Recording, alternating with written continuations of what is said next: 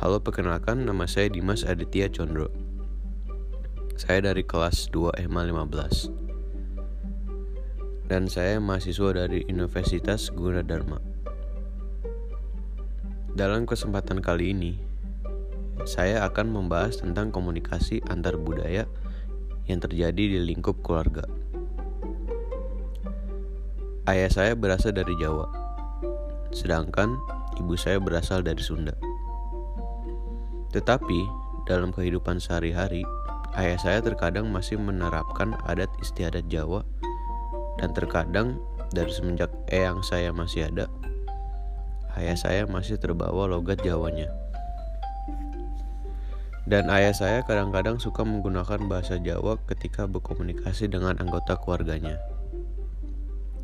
Seperti contohnya, ketika ayah saya berbicara bahasa Jawa, yang bisa mengerti itu ibu saya dan kakak saya.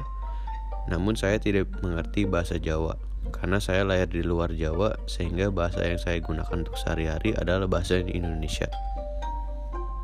Hal itulah yang menyebabkan saya kurang fasih berbahasa Jawa. Sedangkan ibu saya berasal dari Sunda. Dalam kehidupan sehari-hari, ibu saya terkadang juga berbicara bahasa Sunda. Ayah saya pada awalnya tidak mengerti bahasa Sunda.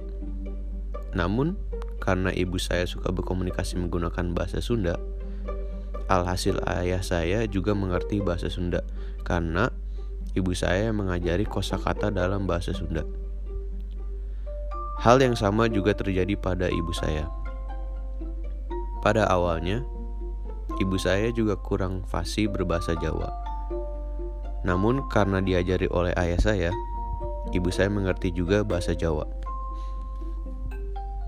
Hal ini membuktikan bahwa perbedaan budaya, khususnya dalam hal bahasa, bukanlah menjadi penghalang dalam menjalin hubungan dalam keluarga. Di dalam adat istiadat Jawa, terdapat panggilan tertentu bagi orang yang lebih tua. Contohnya, ketika kita memanggil saudara laki-laki yang lebih tua, maka kita sebut mas.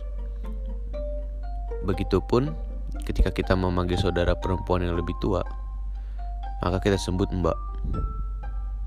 Panggilan tersebut digunakan untuk menunjukkan sopan santun. Seperti contoh lainnya, ketika kita memanggil kakek, maka sebutannya adalah eyang. Kalau ketika kita memanggil nenek, sebutannya adalah mbah. Sekian pembahasan saya mengenai komunikasi antar budaya yang terjadi dalam keluarga saya.